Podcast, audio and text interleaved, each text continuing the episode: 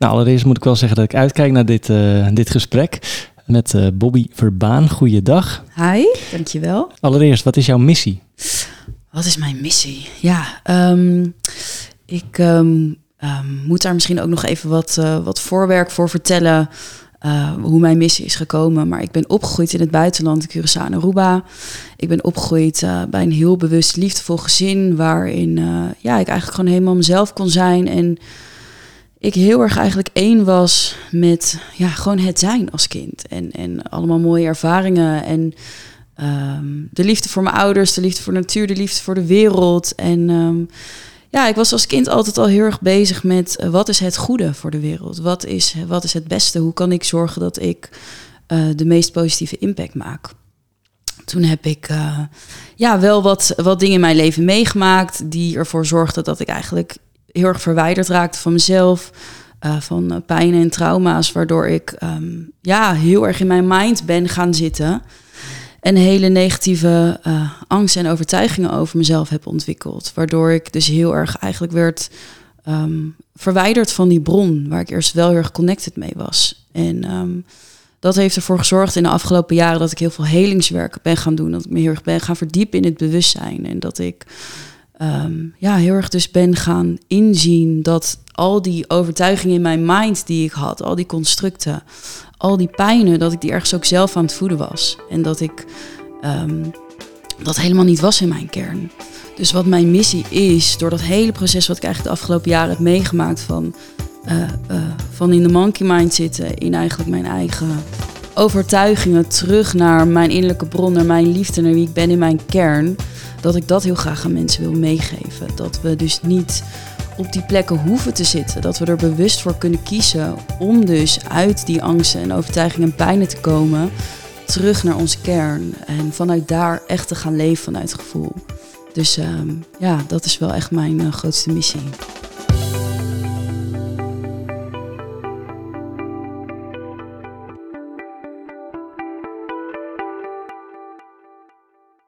Zit hier met, uh, ik zei het al, Bobby Verbaan. Ja. Coaching ja. doe je, uh, ademwerk, je doet eigenlijk heel veel. nou ja, je vertelt net al een grote, groot gedeelte van waar jouw missie vandaan is gekomen. Ja. kun je daar nog iets meer over vertellen? Want je vertelt, het komt ook vanuit je jeugd. Zeker, ja. Hoe is het allemaal zo gegaan? Ja, hoe dat allemaal zo gegaan is. Ja, dat is natuurlijk net wat ik een beetje vertelde. Van ik was als ik ben een heel gevoelig kind en, en uh, ik sta heel erg open voor alles. Ik voel duidelijk, uh, ik voel ook emoties van anderen. Dus dat voelde ik als kind ook al. Maar ik kon eigenlijk dat altijd allemaal zijn. Ik uh, woonde natuurlijk ook in de tropen. Dus het was alleen maar één met de natuur, liefde van mijn ouders. Dus ik, ik kon dat allemaal her herleven. En toen ik dus terug naar Nederland kwam op mijn twaalfde en hierin emigreerde, toen heb ik, heb ik een gigantische klap gekregen waarin um, ja, ik dus in één keer in een systeem hier ook mee moest doen. In het Nederlandse systeem, wat totaal anders is qua normen en waarden, qua vrijheidsgevoel. Uh, daar begon dat al. Um, nou ja, ons gezin, zeg maar, we moesten opnieuw opbouwen hier. Dus iedereen ging ook zijn eigen weg. Dus ik heb me ook best wel eenzaam gevoeld in de weg die ik moest bewandelen. Ik kon niet aarden op school, uh, want daar was niemand de, de manier hoe ik ben opgegroeid. Iedereen ja, was dit al gewend. En um, ik had natuurlijk ook dat grote trauma van dat ik alles moest achterlaten en hier opnieuw moest beginnen. Um, dus ja, dat was voor mij gewoon een enorm klap dat ik, uh, dat, ik dat zo heb meegemaakt. En toen um, ja, ben ik dus hele erge angsten gaan ontwikkelen. Faalangst heel erg, sociale angsten. Um, allerlei eh, dingen om mezelf maar niet te laten zien. Allerlei maskers om mezelf te beschermen. En de pijnen die ik had, die, daar communiceerde ik niet over. Sloot me op op mijn kamer. En, en ja, gewoon zoveel uh, intense pijn. En op een gegeven moment, toen, toen ik ouder werd, een beetje eind puberteit, toen, toen dacht ik echt van, hé, maar dit kan het niet zijn, weet je wel. Dit, dit klopt niet met hoe ik vroeger was en hoe ik nu ben en hoe ik me nu voel en hoe ik nu naar me kijk, weet je. De, de, er zit hier iets anders. Er zit hier uh, een kern die ik nu aan het wegstoppen ben. Nou ja, en dus uh, ja, hoe dat gegaan is, is dat ik de afgelopen jaren gewoon heel erg veel heb gedaan. Ik heb echt heel veel gedaan, dus ik zal niet alles benoemen, want dat is niet relevant. Maar um, uh, verschillende soorten retreats, uh, mediteren, mindfulness opleidingen gedaan. Ik ben nu holistisch coach. En ik ben ook breathwork coach, inderdaad, wat jij al zei. Ehm, dus ja, eigenlijk gewoon door heel erg constant, uh, heel erg kritisch te kijken naar van uh, wat is waar en waar zitten mijn pijnen en um, wat zijn mijn overtuigingen waardoor ik dit gevoel nu in mezelf creëer.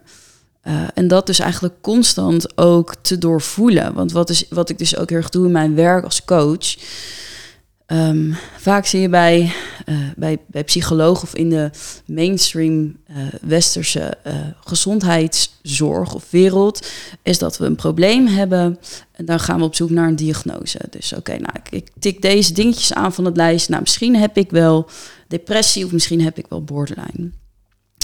Maar eigenlijk is dat dus, naar mijn gevoel, een beetje de omgekeerde wereld. Want je krijgt een label, dan krijg je misschien wat pillen. En uh, nou, dan, dan moet het allemaal wel weer goed gaan. Maar we durven eigenlijk dus helemaal niet heel diep, dieper te kijken naar wat wij hebben meegemaakt als kind. Of wat zijn onze kernangsten waar we eigenlijk nooit over durven te praten of nooit naartoe durven te gaan. Um, dus ja, om even terug te komen op hoe is dat gegaan, wat is mijn missie? Ik heb gewoon zelf heel erg gevoeld door echt helemaal compleet open te gaan kijken naar mezelf, open te gaan staan voor oké, ik breek mezelf letterlijk helemaal open. Wat zijn mijn diepste angsten? Wat zijn mijn diepste overtuigingen? Wat mag er echt niet zijn?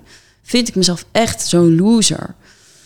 Um, en daar dus eigenlijk helemaal één mee te worden, dat helemaal te accepteren, dat geeft zo'n vrijheid. Omdat je op een gegeven moment dus niet meer uh, dingen niet meer mag zijn. Je mag eigenlijk alles zijn. Je mag falen, je mag fout, fouten maken, je mag een loser zijn. Uh, alles mag er gewoon zijn. In plaats van dat er toch ergens weer zo'n tendens hangt van... Hmm, nou, dat is, dat is niet helemaal goed. Neem maar even een pilletje, weet je wel? Ja, het, het, ja. het klinkt als... Um, wat je zei, je komt dan uh, op jonge leeftijd, twaalfde volgens ja, mij, kwam, kwam, je naar Nederland. Daarvoor, ja. waar woonde je toen precies? Ik woonde op de Antillen, Aruba en Curaçao. Ja, en uh, je, je, kwam dus op je twaalfde naar Nederland. Ja, dan begint de puberteit zo'n beetje. Iets, iets later, maar het was lastig. Maar ben je daar dan nu achteraf dan dankbaar voor dat je het misschien wel lastig had, waardoor je dus jezelf zo hebt kunnen ontwikkelen? Ja, zeker. Want ik zie dat, um, ik zie dat ook bij de, de mensen die ik in mijn omgeving heb. Ook bij, bij mijn vriend, uh, bij mijn vriendinnen, de mensen die heel dicht bij me staan. We, die hebben allemaal ook hele lastige dingen ervaren in hun jeugd of op latere leeftijd. Maar um, ik zie deze struggles echt wel, ook echt zeker als een dankbaarheid. Want als ik dit niet, als ik niet zo had gestruggeld met mezelf en met die dualiteit in mijn pijnen, maar met mijn gevoel, dan was ik dat ook nooit zo diep gaan onderzoeken. En dan had ik ook nooit andere mensen daarmee kunnen helpen. Dus um, ja, het, het feit dat je een ervaringsdeskundige bent, zorgt ervoor dat je echt heel zuiver tegenover iemand kan zitten en iemand echt begrijpt en iemand echt kan helpen. Omdat je zelf ook daar hebt gestaan en omdat je zelf ook die overtuiging hebt gehad. Ja. En hoe, uh, hoe, hoe, lang heeft dat voor jou geduurd ongeveer, dat proces om... Ja, dat je dacht van oké, okay, uh, dit gebeurt mij nu allemaal. Ik heb het even lastig. Ik struggle met, met deze dingen. Ik, ik vind ja. het moeilijk op school, kan ik me zo voorstellen. Ja. Maar dat je uiteindelijk toch dacht van het is goed geweest. Hoe lang ja. heeft dat ongeveer geduurd? Want er zijn waarschijnlijk veel mensen die ook struggelen met bepaalde thema's. Zeker, dat heeft heel lang geduurd. Dat heeft echt lang geduurd. Ik denk, als ik heel eerlijk ben, dat ik het pas een beetje de laatste twee jaar, twee, drie jaar echt kan accepteren en echt kan omarmen. Daar heeft mijn uh, coachopleiding ook wel echt bij geholpen. Ik ben dat jaar, um, nou ja, eigenlijk de beste coaches of goede coaches, laat ik het zo zeggen, zijn mensen die heel dicht bij zichzelf staan en die heel, um, ja, kritisch is misschien niet het goede woord, maar die heel zuiver steeds kunnen reflecteren en steeds in hun eigen verantwoording weer kunnen stappen. Oh, waar sta ik? Weet je, oké, wat is er nog in mij wat ik kan leren? En um, ja, dat, dat, heeft, dat heeft lang geduurd. Omdat ik dus echt heel diep moest gaan om die uh, diepe kernangsten, diepe kernovertuigingen, om daar echt naar te gaan kijken. Want dat vinden mensen ook moeilijk, hè? Want je gaat een doos openen en je weet misschien niet wat eruit komt. Dus dat is ook heel spannend. Maar om het dus ook gewoon echt te gaan accepteren dat het misschien wel zo is, ja, dat is heel moeilijk. Maar omdat ik dat hele harde werk wel heb gedaan, um, kan ik dus nu ook wel echt omarmen dat, um, ja, dat ik het ook ergens nodig heb gehad om te staan waar ik nu sta. En wat zijn de belangrijkste lessen die je daaruit geleerd hebt, die je dan nu meeneemt in je coaching? Ja, ik denk vooral um, het feit dat ik dat ik daar ook heb gestaan. Ik heb echt heel erg angst gehad. Zulke sociale angst en faalangsten. Dat ik gewoon, uh, dat ik op, op faalangsttherapie letterlijk nul scoorde op eigenwaarde.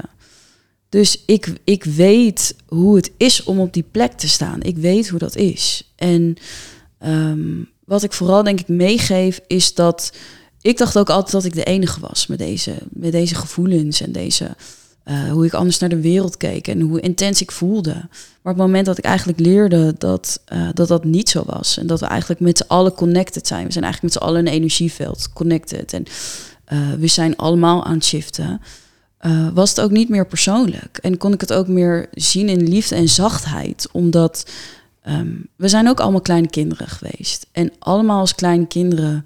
Um, ja, hebben wij gewoon dingen meegemaakt die wij misschien niet goed konden verwerken, niet goed konden verwoorden.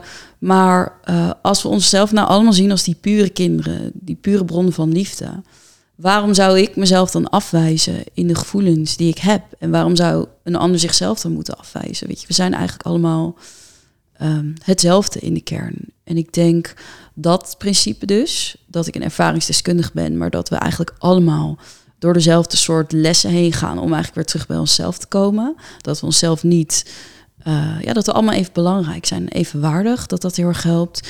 Maar ook omdat ik dus echt zo diep in mezelf ben gegaan en zo erg diep heb aangekeken wat er niet mag zijn, dat ik dat ook bij een ander kan dragen en een ander goed daardoorheen kan begeleiden van het is oké, weet je wel, wat je daar gaat vinden, uh, dat is oké. Iemand komt bij jou en uh, loopt tegen dit soort obstakels aan. hoe ga je te werk? Waar begin je met ja. een, met een coachie? Ja. Ja, nou ja, kijk, eigenlijk wat je sowieso doet, is dat je als coach altijd heel zuiver, tenminste dat zijn mijn kernwaarden, zuiver en waarachtig in een gesprek staat. Dus ik ga niet heel statisch zitten van, nou, oké, uh, eerste vraag, hoe gaat het met je? Weet je wel, zoals, nou ja, psychologen vaak doen, hoe gaat het met je? Wat ik doe, is ik ben gewoon compleet mezelf. Dus als ik eerst met jou gewoon lekker even een los, nonchalant gesprek heb, dat is ook oké, weet je, want dat breekt ook het ijs. Je moet elkaar even leren kennen, je moet elkaar even leren aanvoelen.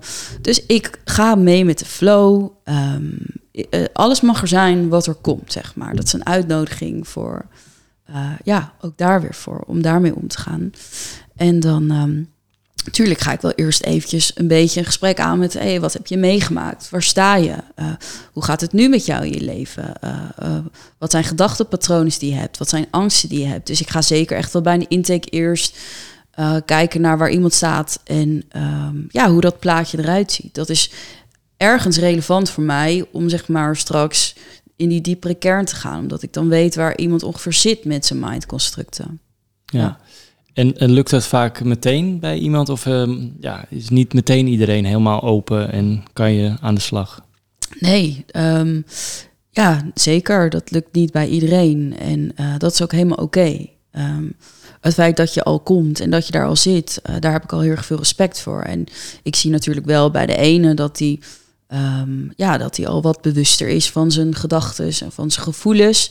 En bij de ander die begint eigenlijk net met het werk. En dat is ook allemaal helemaal oké. Uh, maar dan zie je inderdaad wel dat mensen het spannend vinden. Of dat ik zie dat ze heel veel vanuit ratio en vanuit de mind aan het praten zijn. Maar dat ze het eigenlijk weinig hebben over gevoel, weet je wel. Dus dan zie ik al van oké, ja, dat, uh, ja. Ja, het is een, uh, het is een lang proces inderdaad om, om dat te doen. Dus niet inderdaad vanuit uh, je ratio uh, ja, te handelen. Zeker. maar terug naar het gevoel. Um, ja, wat gebruik jij dan echt om iemand naar zijn gevoel terug te laten gaan? Ja, um, nou ja, wat ik dan vaak doe, dat zijn technieken. Um, dat iemand heel erg aan het praten is, ja maar, en dan denk ik dit en dan gebeurt er dat. En hm, zeg, oké, maar wat voel je hier nu bij? Wat voel je nu? Waar voel je het nu? Oh ja, ja, ik voel het nu op mijn hart en ik voel het nu op mijn buik. En oh, oké, weet je wel. En als mensen dan ineens uit dat hoofd in dat gevoel gaan, um, daar zie je vaak echt dat ze dan in één keer connectie daarmee maken. En dat die hele construct en die het eigenlijk niet meer relevant is. Maar dat het hier zit en dat het hier gebeurt. En dat hier ook eigenlijk die shift moet worden gemaakt. Ja, het is, uh, het is herkenbaar inderdaad uh, om, om, om, daar naartoe te gaan. En uh, er zijn inderdaad hele krachtige technieken en oefeningen voor om uit je hoofd te gaan en echt meer naar je gevoel. kun je een, een mooi verhaal delen, zonder natuurlijk een naam te noemen van een cliënt van jou? Ja, zeker. dan zal ik inderdaad proberen om diegene zo anoniem mogelijk te houden. Ehm, nou, veel meegemaakt in jeugd, moeilijke ouders, ook verslavingsproblemen bij ouders. Eigenlijk gewoon, ja, werd het kind heel erg alleen gelaten, of nu volwassen persoon. Um, dus ja, eigenlijk gewoon een heel erg diep gevoel van eenzaamheid en niet gezien worden. En daardoor nu tegen heel veel dingen aanlopen. Burn-outs, niet blij op werk, uh, toxische relaties. Um, en als wij dan bij, die, bij de laatste sessie met diegene dus heel diep naar dat gevoel gaan. Diegene had heel erg veel moeite om uit dat hoofd te komen. Dus ja, oké, laten we, het mag er zijn, weet je, je gedachten. Je mag er zo weer wat mee doen. Maar laten we nu heel even kijken naar dat gevoel. En toen gingen we ook terug met haar naar haar innerlijke kind. Van hoe voelde zij zich als kind toen bijvoorbeeld haar moeder uh, naar de kroeg ging en haar alleen liet thuis. Ja, en toen kwam echt die doorbraak, weet je, huilen. En toen kwam het eruit en toen kon ze weer helemaal voelen hoe dat voelde als kind. En dat ze eenzaam is geweest, dat ze zich niet gezien heeft gevoeld. En uh, dan komen mensen ook echt weer een connectie daarmee. En uh, kunnen mensen dus ook begrijpen uh, waar ze hebben gestaan, maar waar ook het, het werk zit. Tuurlijk heb je een deel vanuit de mind wat je moet oplossen. Maar het grootste deel moet je toch in gevoel en energetisch oplossen. Ja, daar moet je toch die connectie mee maken. Ja. En hoe is uiteindelijk uh, daaruit gekomen en ermee omgegaan? Ja, um, nou ja, ze, ze, ze, doet het dan wel steeds beter. Um, je ziet wel dat het af en toe nog, uh, nog wel even terugvalt, maar dat doen we allemaal. Hè? Mm -hmm. ik, bedoel, ik ook als coach. Ik ben ook niet heilig en uh, ik val ook nog wel eens terug in bepaalde mindconstructen. Dus dat is helemaal oké. Okay. Um, ja, meer gewoon vanuit het gevoel leven. En meer dus ook omarmen. Want wat er gebeurde is uh, dat zij dan thuis op de bank ging zitten en dan ging ze heel veel afleiding zoeken. Uh, ze, uh, nou ja, middelengebruik, telefoon, wegstappen.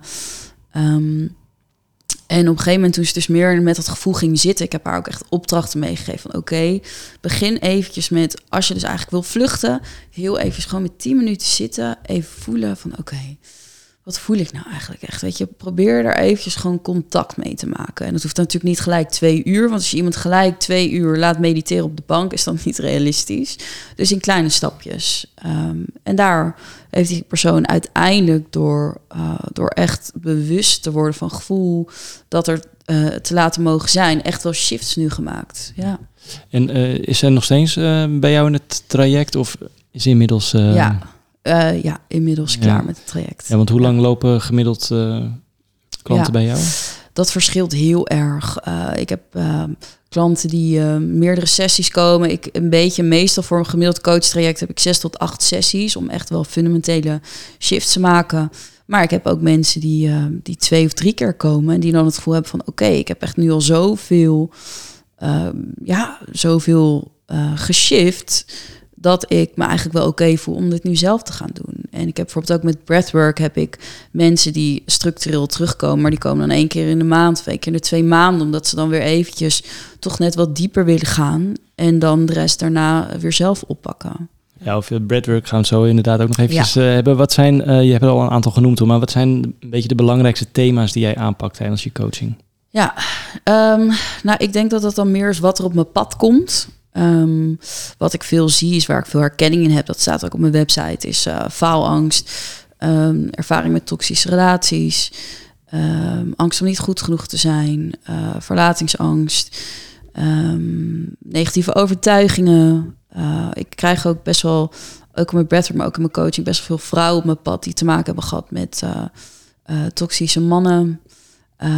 maar dat, dat is eigenlijk meer, zeg maar, toeval of maar waar mijn ervaringsdeskundigheid ligt. Maar iedereen mag bij mij met elk thema komen. Want um, dat leg ik ook altijd uit als coach. De specifieke thema's zijn, uh, zijn wel relevant, maar eigenlijk onder alle pijnen of onder alle mechanismes, onder alle um, ja, manieren om zeg maar niet te voelen en om dat aan de kant te drukken. Daaronder zit eigenlijk altijd een paar kernangsten en een paar kerngevoelens. Dus de mechanismes zijn misschien wel anders en het gedrag is anders. Maar daaronder zitten eigenlijk altijd wel de basisangsten waar we voor wegrennen. Heb jij klanten uit het hele land? Uh, ja, zeker. Ik heb ook uh, internationale klanten, want ik doe ook calls via Zoom of via Skype, wat, wat maar net werkt. Soms ook zelfs via WhatsApp bellen. Um, dus in principe doe ik het ook in het Engels. Um, ja, dus uh, klanten uit het hele land. Nu toevallig ook in België. het begint ook steeds meer stroming, omdat ik daar nu eigenlijk woon. Dus um, ja. En, en ik kan me ook zo voorstellen dat je misschien nog daar waar je bent opgegroeid, ja. De Antillen, dat je daar misschien ook nog wel wat ja. klanten vandaan weet te halen? Ja, nou dat, dat is nog niet helemaal aan het lopen. Uh, ik denk ook wel omdat um, dat het misschien nog op de Antillen wat minder ja, hot is, zou ik even willen zeggen, dat, dat, dat dit werk, Mhm. dat komt misschien ook wel een beetje door gewoon die chill vibe die daar hangt. Mensen denken, oh, ik vind het allemaal prima, relaxed en uh, rustig gaan. Dus dat moet nog wel een beetje rollen daar. Maar dat lijkt me dan juist ook weer leuk om eigenlijk een van de eersten te zijn die daar dat gaat doen. Ja. ja. En zou je dan ook wel weer misschien terug willen? Ja, tuurlijk weet je, mijn hart ligt altijd wel uh, bij de Antillen ergens. Uh, dus dat zijn de opties. Maar ik ben nu ook met mijn vriend aan het kijken uh, om wat dichter bij huis te blijven. En dat zijn bijvoorbeeld, is bijvoorbeeld Spanje, Portugal, waar je toch heel erg die vibe hebt van de bergen, van het strand, de zee en ook die muziek, weet je, dat is voor mij ook heel erg belangrijk. Maar dat je toch net iets dichter bij huis bent. En ik denk dat er ook daar heel erg veel mogelijkheid is en heel veel animo om, om dat werk ook te gaan doen. Dus dat staat nu op de planning. Ja, we hebben al een klein beetje dan uh, je doelen nu besproken, maar daar komen we straks nog even op Ja, terug. ja. Ehm, Dan uh, ja, het uh, breathwork, het uh, Ja. ademwerk. Ja, Ehm, ja, wat, wat doe je daarmee precies? nou dat is wat ik eigenlijk net al een beetje, eh, of zou ik ook even inhaken op net. Kijk, ehm, ik doe dus een deel coaching vanuit ratio, want het is ook heel goed om dingen te weten vanuit je ratio. Van oké, ja, wat zijn mijn overtuigingen? Waar sta ik? Wat, wat zijn mijn gedachten eigenlijk zo over de hele dag?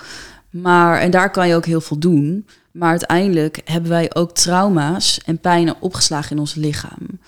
Ehm, letterlijk bijvoorbeeld de amygdala, die, die eh, is bezig natuurlijk met angsten. Eh, bepaalde eh, gedeeltes van onze hersenen die activeren door angst of die worden juist minder actief. Dus ons lichaam reageert ook fysiek op pijn en trauma. Dus het, het is eigenlijk naar mijn mening eh, te weinig om alleen op, op praten en cognitief zeg maar die verandering door te brengen. En dat heb ik zelf ook gezien met breathwork. Dat uh, er gebeuren meerdere dingen. Fysiek uh, gebeurt er heel erg veel. Dat je bijvoorbeeld DMT-stofjes komen er vrij. Maar je bent ook je hele lichaam aan het ontzuren. Je bloed ontzuurt. Je zenuwstelsel krijgt letterlijk een reset. Want die staat natuurlijk uh, tegenwoordig best wel erg onder spanning hier in het Westen. Want we zijn alleen maar aan het racen, alleen maar aan het gaan. robotleven. En uh, die heeft dus ook die reset nodig. Dus er gebeurt fysiek heel veel, maar mentaal, op een of andere manier gebeurt er iets. De verbonden ademhaling is de techniek die ik gebruik. Het is eigenlijk een soort gecontroleerde hyperventilatie, waardoor je op een gegeven moment zo dicht bij emoties komt die je zo ver hebt weggestopt. Er worden ook letterlijk bepaalde uh, delen in je brein worden actief die eigenlijk normaal niet zo actief zijn. Bepaalde emotionele delen van je brein worden heel erg actief tijdens het breathwork, waardoor je dus eigenlijk die, die monkey mind en dat ratio op dat moment helemaal kan uitschakelen en volledig terug kan gaan in je gevoel. Um, dus wat je ziet bij breathwork is dat um, ja, mensen door trauma's werken die ze jarenlang niet hebben aangeraakt, niet naar hebben gekeken, niet eens meer wisten dat het er zat. En daar zo diep ingaan en dat zo aan het loslaten zijn. Um, want het is ook wel gewoon hard werken, het breathwork. En uh, ja, daar, daarbij komen ook heel veel emoties vrij. Mensen worden boos, die worden echt, die gooien ineens boosheid eruit die ze jarenlang hebben onderdrukt. Of mensen gaan huilen, die komen ineens voorbij verdriet wat ze, wat ze hebben weggedrukt. Sommige mensen worden heel blij, die gaan ineens lachen. Um, er gebeurt gewoon heel veel uh, bij een breathwork sessie. En ik heb gewoon heel gemerkt, ik heb heel veel helingswerk gedaan de afgelopen jaren. Breathwork heeft mij tot zo'n diep niveau geholpen in inzichten, maar ook in heling. Zoveel losgelaten dat ik uh, ja, daar echt gewoon uh, heel erg van overtuigd ben. Je zei het al, mensen die, uh, die, die, die rennen vaak maar door in het leven. Hoe belangrijk is het om af en toe gewoon even bewust te zijn van je ademhaling? Ja, um, dat is heel belangrijk. Adem is eigenlijk gewoon ook de bron van het leven. Zonder ademen functioneren wij niet. Ehm, dus ik denk dat het sowieso heel erg belangrijk is om je bewust te zijn van je adem. Want je adem zegt ook heel veel. Als je heel hoog ademt de hele dag door, dan ben je eigenlijk heel gestrest. En we hebben het ook echt fysiek nodig om diep te ademen. Dus ook om je ribben mee te nemen en je buik en je borstkas mee te nemen. Ehm, dus ik denk dat dat sowieso belangrijk is. Maar wat jij ook zei, van hoe belangrijk is het om het af en toe even bewust te worden van je ademhaling. Maar hoe belangrijk is het om ons bewust te worden uh, van onszelf uh, gedurende de dag, gedurende ons leven. Want ik denk dat wij eigenlijk als mensen heel erg hebben geleerd tegenwoordig in de maatschappij om heel veel te behalen. Hè? We hebben hele cv's, uh, we hebben helemaal hypotheken, we hebben heel veel auto's, prachtige tv's, nieuwe smartphones. Maar waar zit het echte geluk? Zit hem dat daarin, in het materialisme? Of zit hem dat in bijvoorbeeld vrijheid? Of doen met je tijd wat je wil? Of heel dicht bij jezelf staan en vanuit je gevoel uh, kunnen geven aan mensen, vanuit je gevoel kunnen communiceren, uh, vanuit je gevoel echt kunnen genieten van het nu en van het moment, in plaats van alleen maar constant weg te rennen. Ja. En hoe belangrijk is dan toch die ademhaling daarbij? Want uh, kijk, ik doe ook wel eens ademhalingsoefeningen. Ja. Je merkt wel gelijk dat er wat gebeurt met ja. je. Ja. Waardoor je dus inderdaad ook bewuster wordt van jezelf ja. en wat belangrijk is voor jou. Ja. Dus hoe belangrijk is dat ademwerk? Ik denk dat ademwerk heel belangrijk is in de zin van uh, dat het jou altijd weer iets geeft. El, bij elke ademsessie kom ik weer tot een inzicht. Dacht ik, oh ja, dat had ik eh, eigenlijk weggestopt de afgelopen weken. Die voel ik nu weer even. Daar mag ik naar kijken. Het geeft altijd inzicht. Het geeft altijd verzachting. Het geeft ook dat weer connectie met jezelf. Dus ik denk dat uh, ademhalingsoefeningen altijd goed zijn. Ik denk dat breathwork sessies uh, ook zo nu en dan uh, heel goed voor je zijn. Je hebt natuurlijk ook dat wel even een aantal dagen integratietijd nodig. Want je hebt natuurlijk die reset gehad in je zenuwstelsel. Dus je kan niet maar wekenlang achter elkaar, los van het presence process. Ik weet niet of je daar eens van hebt gehoord. Dan ga je acht weken lang, maar dat is echt een heel intensief proces. Ga je elke dag ga je een breathwork sessie doen. Um, maar dan doe je dat ook heel bewust. Maar ik zou dus eerder aanraden om zo nu en dan een breathwork sessie te doen. Uh, om zeg maar die heling actief te houden. En dan kan je daarna in het dagelijks leven kan je dat ook weer integreren. Hoe belangrijk is ook je ademhaling op je fysiek en je gezondheid? Ja, heel belangrijk. Ik durf daar niet te erg uh, in uit te wijden in de hele specifieke details, omdat ik ja, geen uh, Wim Hof ben of geen hele erg geleerde. Ik heb wel veel colleges gehad tijdens mijn uh, breathwork opleiding, waarin ik echt wel heel duidelijk um, heb gezien wat, wat het belang is van onze longfuncties, het belang is van hoe we ademen, dat het ook uh, echt wel jaren kan schelen op ons leven hoe wij ademen. Dus um, ja, fysiek en mentaal is adem echt iets, iets heel belangrijks. Ja, want ik, ik las iets ook dat het bijvoorbeeld ook gifstoffen uit je lichaam haalt.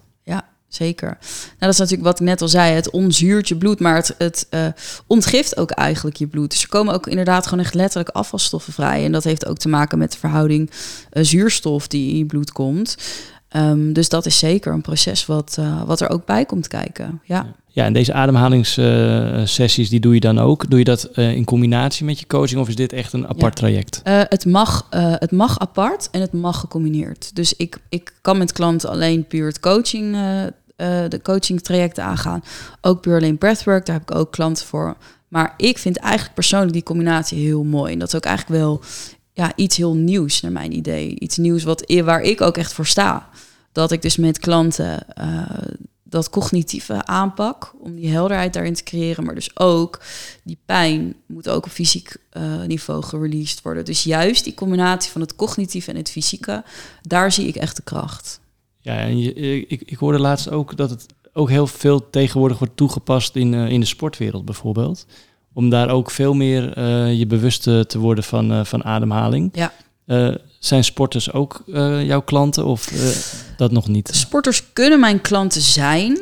Ik ben zelf ook sporter, ik fitness veel. Dus ik merk ook dat, um, ja, dat, dat ademwerk, dat dat zeker bijdraagt aan je fysieke gezondheid. En ik merk ook tijdens het sporten dat ik af en toe me heel erg kan focussen op mijn buikademhaling. Waardoor ik net veel meer power eruit kan halen. Dus het werkt zeker wel mee. Ik zou niet direct de correlatie leggen tussen oké, sporters zijn mijn klanten. ik heb wel sporters als klanten, maar dat, uh, ja, de, de voornamelijke reden is wel gewoon echt omdat tijdens een breathwork sessie om het uh, lichamelijk los te laten, losgezien van of je een sporter bent of niet. Tot slot over het, het ademwerk, want ik denk dat, dat je daar nog best wel veel over, uh, over kan vertellen. Maar je hebt al een aantal voor, voordelen genoemd. Zijn er nog dingen die echt belangrijk zijn bij het ademwerk? Um, ja, even kijken. En dan zeg maar als coach of als degene die het ondergaat? Ja, nou ja, beide. Wat is, wat, waarom, waarom vind jij dit zo belangrijk en ja. waarom is het zo belangrijk voor, uh, voor je klant? Nou, ik denk wel wat heel erg belangrijk is, is tuurlijk, ik, ik denk dat elke coach zijn eigen unieke waarde heeft. Elke coach heeft weer iets unieks te brengen bij jou tijdens een ademsessie. Um, dus dat is ook helemaal oké. Ik denk alleen wel wat ik heb gezien van ik heb best wel een lange intensieve opleiding gedaan. En er zijn tegenwoordig mensen die zichzelf na een tweedaagse cursus al ademcoaches noemen. En um, ik heb daar, ik zou, ja, ik heb daar niet een oordeel over, maar ik denk wel, als we kijken naar wat er allemaal kan gebeuren tijdens een ademsessie, kunnen heel fysieke dingen gebeuren, hele heftige verkrampingen. Mensen kunnen ineens stoppen met ademen. Mensen kunnen er geen paniek raken. Dan moet je wel gewoon professioneel weten wat je moet doen. En ik denk persoonlijk dat een twee of driedaagse cursus daarvoor te kort is. Dus ik zou zeggen, ehm, kies een coach uit die bij jou heel goed voelt, wat resoneert, waarbij jij je veilig voelt. Maar kies ook iemand uit die wel weet wat hij doet, zodat je weet dat als je in die proces raakt, dat je daar ook veilig bent en dat iemand professioneel handelt. Ehm, en wat belangrijk is, denk ik, tijdens het ademwerk om het te ondergaan, is um, ja, laat het over je heen komen. Dus wat zich aandient, dat is op dat moment wat jij nodig hebt. Dus heb je een keer een hele slechte ademsessie waarin er helemaal niks gebeurt en waar je denkt, nou, was dat het nou? Ik had hier helemaal geen zin in. Heb ik ook heel vaak gehad. Dan is dat wat het is. En als jij op een moment super diep gaat en je, um, ja, je komt gewoon hele diepe trauma's tegen die jij mag helen, probeer dat ook te omarmen. Want je bent eigenlijk ook veilig in dat proces.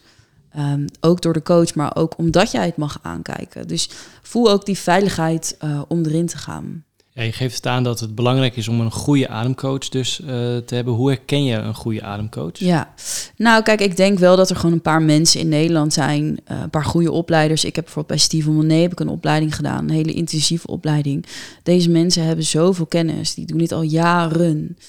Uh, en die, die verdiepen zich ook heel erg in het fysieke proces en, en geven daar ook colleges over. Dus ja, op die manier kan je wel herkennen of je echt bij een goede coach zit. Als, als uh, deze mensen laten zien dat ze jou heel erg professioneel begeleiden.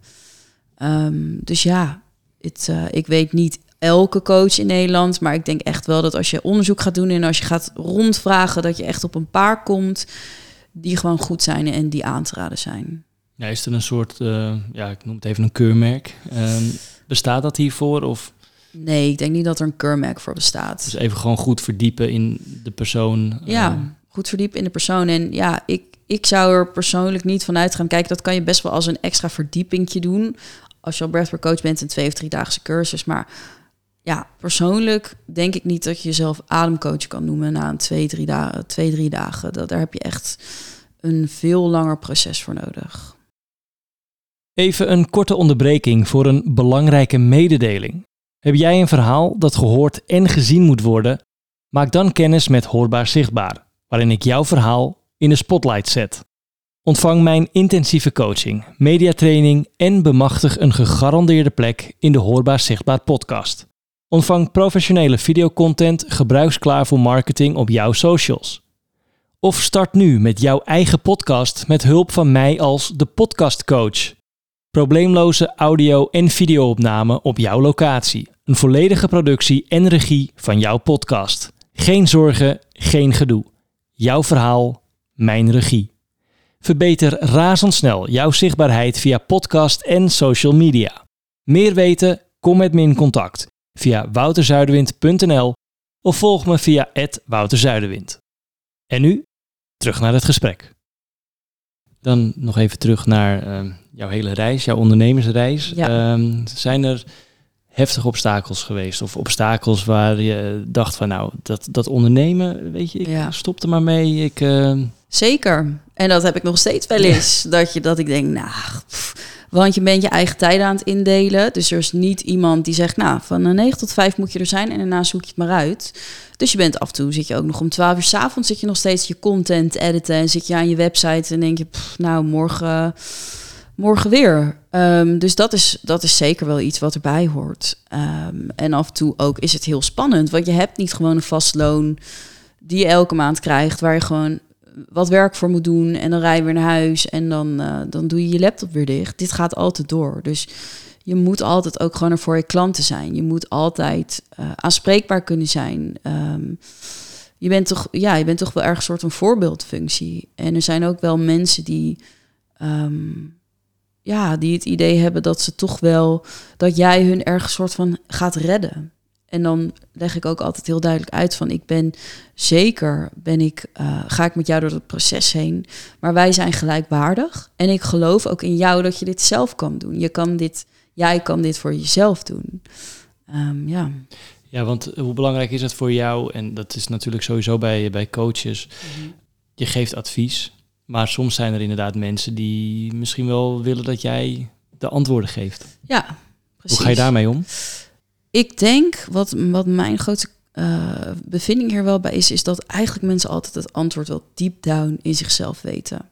Dus ik ga dan altijd door totdat zij eigenlijk zelf met het antwoord komen. Want die inzichten die zitten eigenlijk al deep down. Dus ik hoef alleen maar ze te begeleiden naar dat punt en ze een aantal vragen te stellen.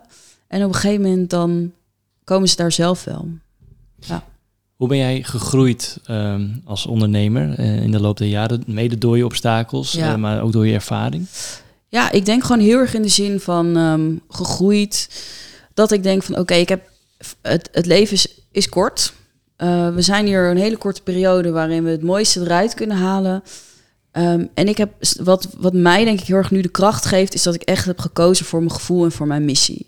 En als ik dan minder verdien, so be it. En ga ik een keer op mijn bek, oké. Okay gaat het een keer uh, helemaal uh, compleet fout en, en krijg ik geen klanten meer, whatever, dan vallen we, dan staan we weer op en dan gaan we weer door. Dus ik denk dat, dat ik dat zeg maar, uh, dat dat mijn grootste kracht is als ondernemer, dat je die risico's durft te nemen. Ik denk een hele grote kracht van ondernemers is dat je risico's durft te nemen en dat je de opening ziet op plekken waar andere mensen die niet zien en die niet naar kijken. En dat je denkt, oké, daar ligt een opening, daar ligt een kans, die ga ik pakken. En daardoor blijf je ook authentiek, daardoor blijf je creatief. En ik denk dat dat nu mijn grootste kracht is. Dat ik denk, dit is precies wat ik wil in mijn gevoel. Dit is waar ik voor sta. Dit ga ik de wereld inbrengen en dit gaat het zijn. En daardoor um, heb ik ook voor mijn gevoel een grote energetische kracht en afbakening dat dit het gewoon gaat worden. En dan gaat het hem ook gewoon worden. Dat is natuurlijk ook een deel manifestatie in de love attraction. Uh, leven vanuit mijn hart Um, dat zorgt ervoor dat ik een goede ondernemer ben. Heb je altijd deze drive gehad? Of is dat iets wat je de laatste tijd uh, hebt ontwikkeld? Want ja, ik kan me zo voorstellen dat het niet altijd makkelijk is om inderdaad als je valt, meteen weer op te staan en, en, en toch weer door te gaan. Want ja. dat is waar ondernemers natuurlijk ook tegenaan lopen. Ja. Is dat altijd bij jou, eh, heeft dat altijd een rol gespeeld? Um, nee, ik denk wel dat ik um, um, eerst heel erg ook. Ik had wel altijd dat rebelse in mij gehad. Ik heb wel altijd gedaan wat ik dacht dat goed was. Dus als iedereen bij zo'n spreken een nieuwe Ux had, dan kocht ik iets anders. Dus misschien ook wel een beetje hè, uh, dat rebelse in mij. Maar ik heb wel altijd geleefd naar mijn waardes en naar mijn normen en naar mijn gevoel. Um, dus dat wel. Maar ik had zeker een oordeel over mezelf vroeger als ik faalde of als ik dingen fout maakte. Dat kon echt niet. Dat kon echt niet. En nu zie ik heel erg de waarde door ook me, uh, mental coaches, waar ik veel van heb geleerd. Uh, waar ik ook intensieve be begeleiding van heb gehad. En waar ik nog steeds ook uh, mee spreek. Is dat falen eigenlijk een hele mooie kans is. Omdat falen leert jou dat je, uh, dat je mag vallen. A, dat doen we allemaal. Maar ook dat je dan denkt, oké, nou dit werkte niet. Nou, dan ga ik een andere ingang zoeken.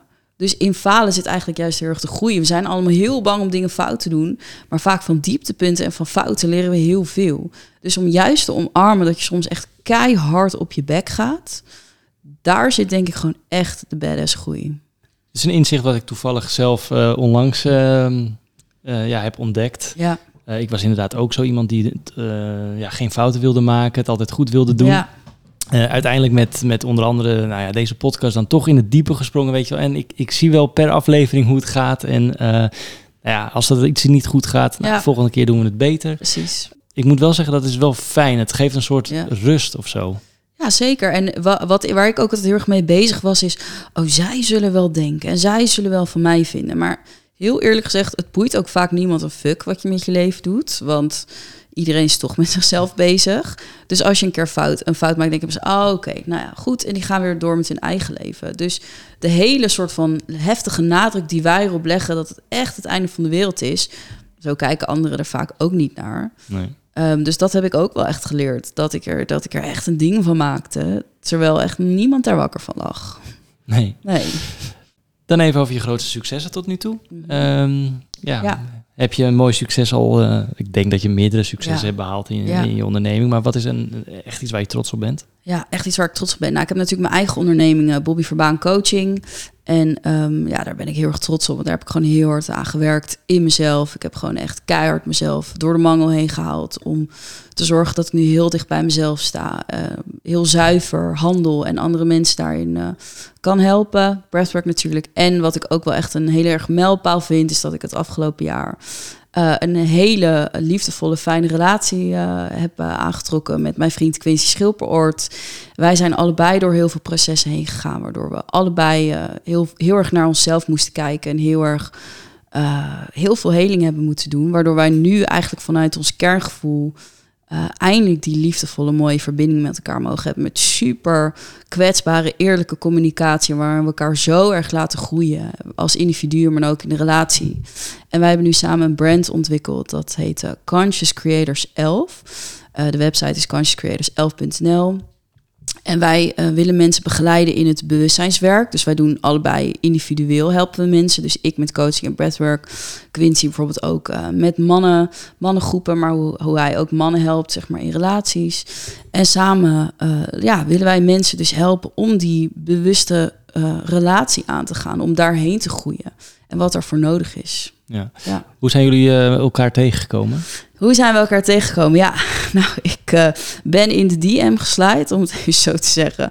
Ik kwam zijn uh, podcast tegen op Instagram, een reel van wat hij deelde. En dat kwam zo erg binnen. Dat ik dacht, wauw, weet je, hij zei iets. Uh, en toen dacht ik, dit komt binnen. En toen stuurde ik hem een bericht van, joh, wat vet wat je doet, super mooi. En toen raakten wij aan de praat. En nou, toen hebben we eigenlijk gewoon de eerste twee, drie weken hebben we echt alleen maar gesprekken gehad, dag in dag uit, over van alles. En dat klikte heel erg.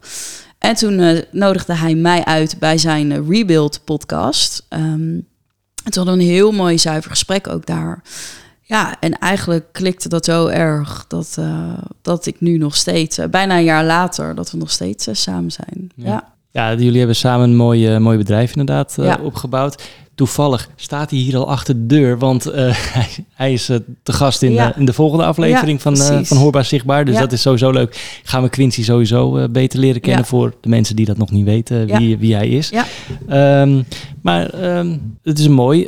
jullie zijn samen dat, dat bedrijf gestart. Mm -hmm. Um, en hoe gaat dat nu? Want jullie, ik zie veel content van jullie langskomen ook. Ja, dat gaat goed. Wij krijgen echt heel veel aanvragen van mensen. En heel veel mensen die uh, struggelen met, uh, met pijn en trauma's. Of die gewoon meer willen weten over het bewustzijnswerk. Maar ook stelletjes die bij ons komen, die uh, individueel een therapie willen of samen. Dus we, we merken dat die stroom steeds meer komt. En dat het ook buiten Nederland dat die stroom steeds meer komt. Dus dat is wel heel gaaf dat als je ja, zelf zo hard aan jezelf hebt gewerkt. En samen hebben wij ook heel hard gewerkt in onze relatie om te hebben wat we nu hebben.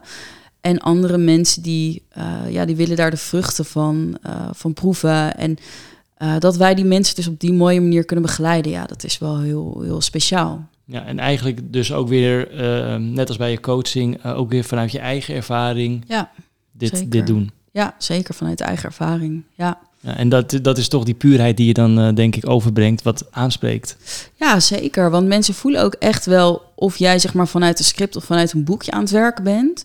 Of dat jij echt vanuit je pure zelf, met jouw volle aandacht en volle attentie daar zit voor iemand. En ik denk ook gewoon echt dat, dat als je ervaringsdeskundig bent, dat dat ook gewoon echt heel erg helpt. Want je weet gewoon waar iemand staat. Je, je voelt dat, want je hebt daar zelf ook gestaan. Ja. Nou, over, over twee weken dan, dan is de aflevering met, met Quincy online. Dus dan raad ik ook zeker aan om die te gaan kijken dan. Ja. Welk advies zou jij willen geven aan ehm, mensen die ook of net begonnen zijn met ondernemen of graag willen ondernemen? Ehm, ja. Hoe begin je? Hoe begin je? Ik denk dat de kracht ligt in kleine stapjes, als ik voor mezelf praat. Ehm, dat heeft Ben Tichelaar wel eens gezegd. De kracht van, de, van kleine stapjes. Ik dacht altijd van ja, ik sta nu hier en ik moet morgen daar staan. Nou, ik moet zoveel doen. Nou, laat maar. Dus ik ben gewoon steeds de kracht van kleine stapjes gaan lezen. Oké, nou doe ik nu dit. Die heb ik overwonnen. Oh, dan doe ik nu dit. Die heb ik die overwonnen. Want het is ook een proces, weet je. Je groeit naar een een krachtige onderneming groei je daarin. Daar ben je niet ineens. En daarvoor moet je af en toe op je bek gaan. Af en toe moet je weer in een groeicurve zitten. En op een gegeven moment dan kom je daar wel. En daarvoor heb je ook uh, de niet zo leuke lessen nodig naast de leuke lessen. Dus de kracht van kleine stapjes. En ik zou zeggen, gewoon doen. Het, het leven is veel te kort. Uh, we zijn hier zo. Wil jij de keuze maken om Ehm, in de matrix te blijven leven van 9 tot 5, lekker veilig hypotheekje. Nou, en dan ergens ga je met pensioen, kan je een paar jaar achter de granium zitten, dat was hem. Kan je doen. Je kan kiezen voor de schijnveiligheid, zoals ik hem noem. Of je kan leven vanuit je hart, vanuit je gevoel, vanuit wat jij denkt dat je hier komt doen op deze wereld, vanuit die missie. En dat gewoon doen. En als je faalt, nou, zo so be it. Dan zoek je weer een andere weg die wel werkt. We hebben al een klein beetje je toekomstplannen besproken, maar ehm, ja, wat zijn echt jouw toekomstplannen? Hoe zie je jezelf over een paar jaar uh, met je coaching? Met mijn coaching zie ik mezelf eigenlijk dus lekker in het buitenland, lekker weg van deze kou, met de hagel, ben ik helemaal klaar mee. Um, lekker gewoon een groot stuk land, ergens Spanje of Portugal, uh, met mijn eigen mooie cabana waar ik mijn retreats kan geven, met een paar dieren en honden in de tuin. Uh, met mijn vriend natuurlijk, Quincy, uh, die daar uh, ook zijn ding doet.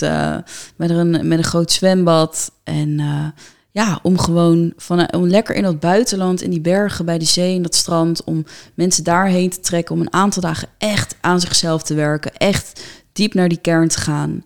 En ja, zo eigenlijk de wereld een stukje mooier te maken. Ja, klinkt uh, als een mooi, uh, mooi vooruitzicht. Ja. Mooi doel. Ja.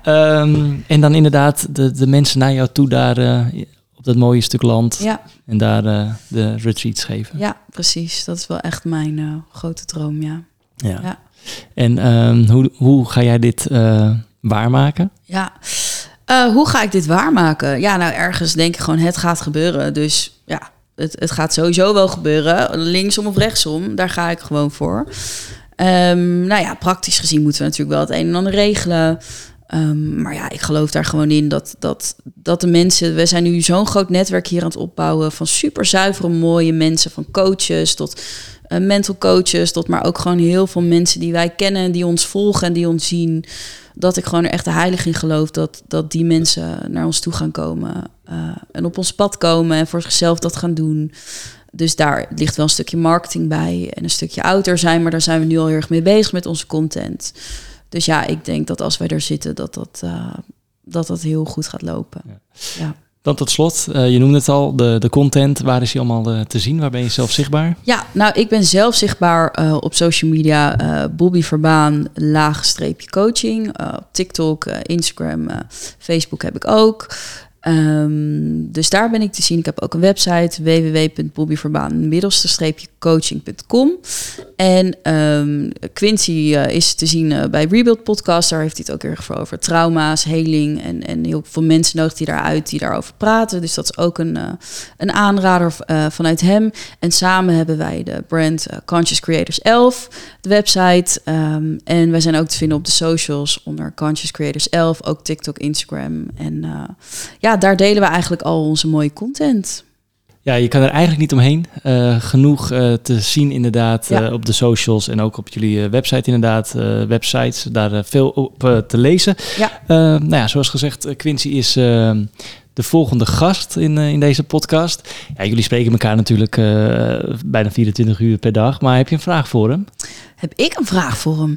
Nou, we hebben het er wel samen even over gehad. En um, wat ik gewoon hele, wat ik heel krachtig vind aan hem, is dat hij de laatste tijd zo um, zo diep naar zijn gevoel is gezakt en naar zijn kwetsbaarheid. En het is natuurlijk tegenwoordig best wel een, een ding dat mannen niet kwetsbaar mogen zijn. We moeten allemaal sterk zijn, we moeten de providers zijn en wat ook heel mooi is. Maar we hebben ook, mannen hebben ook een deel kwetsbaarheid en daar zit juist de kracht. En wat ik heel mooi vind van hem is dat het, uh, het is een hele grote man en hij heeft natuurlijk een heel een mooi voorkomen. Um, dus hij ziet er echt uit als een alfaman. En hij heeft ook dat alfamannetjes leven heel erg geleefd. En hij heeft ook van alles gezien en gedaan. Maar hij kan uh, heel goed uitleggen over wat de kracht is van dat gevoel en die kwetsbaarheid als man. En hoe, we, hoe daardoor mannen zich ook meer met elkaar kunnen verbinden en ook dichter bij zichzelf kunnen staan. Nou, dat, eh, dat belooft wat voor de, voor de volgende aflevering. Twee stoere mannen die het uh, over de emoties uh, gaan hebben. Mm over twee weken te zien op dit, dit kanaal ook. Ja. Bobby Verbaan, dank je wel. dat je in deze gedaan. aflevering te gast wilde zijn van Hoorbaar Zichtbaar. En ik wens je een mooie dag. Dank je wel. Jij ook heel erg bedankt voor wat je doet. En dank je wel voor de uitnodiging. Graag gedaan. Dank je wel.